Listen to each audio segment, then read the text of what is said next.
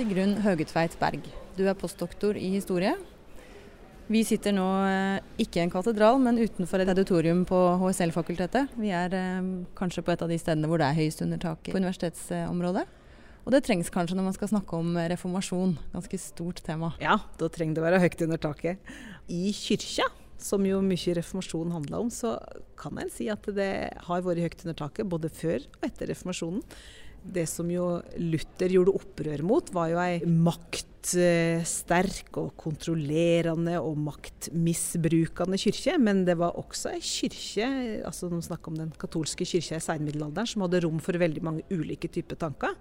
Og Luther han kom jo ikke fra ingenstad, så han bygde jo på en, han bygde sin kritikk på ting som folk hadde kritisert før han. Men du eh, sier at eh, konsekvensene ble større her i nord enn i resten av eh, Norge? Ja, da må vi ta et stort steg fra Luther og til ikke bare Nord-Norge, men til Norge. For eh, noe av det viktigste å være klar over når det gjelder reformasjonen i Norge, er jo at den kom helt uførebudd. Altså Den kom som et politisk styrt vedtak ovenfra.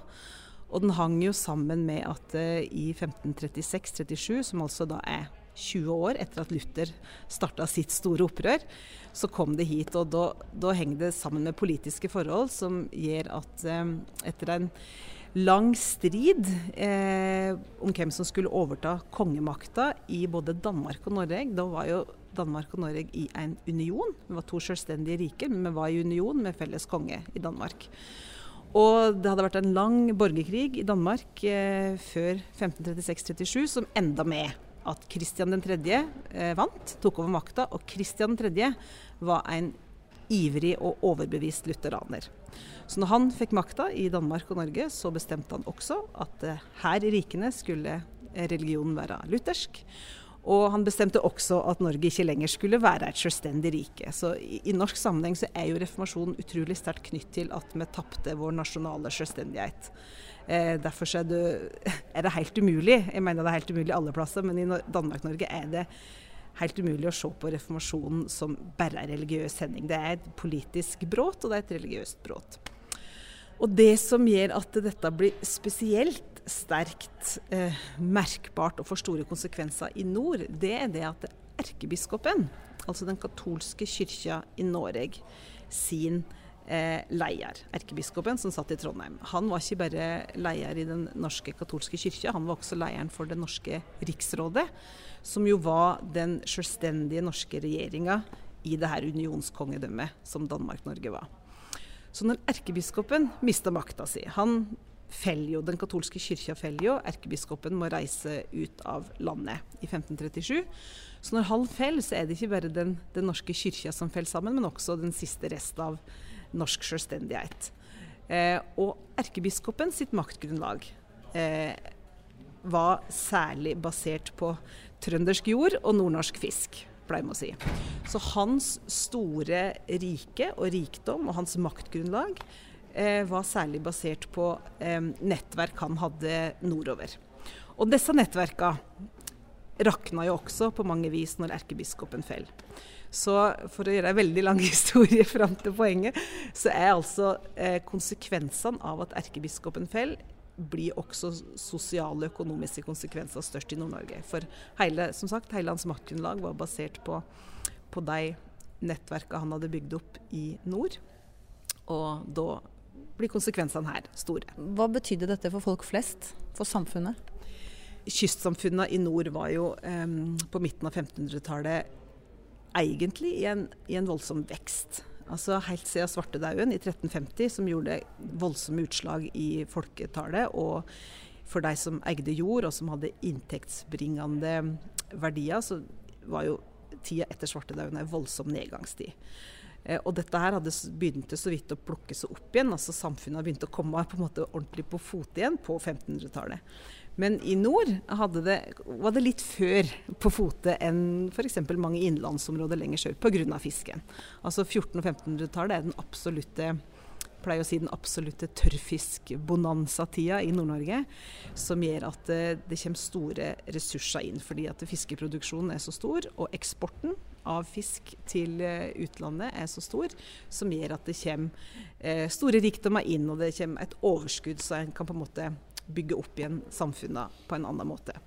Så i nord så har altså eh, ja, kystsamfunnet opplever en eh, netto innflytting, eh, folketallsvekst.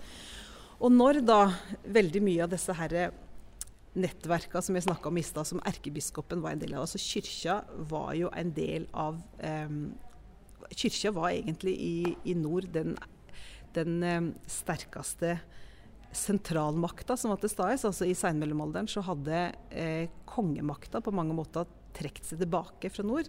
Det var kyrkja som på mange måter dreiv Nord-Norge. Altså Det var kyrkjer i Korein vik, i Korein krok, der det bodde folk.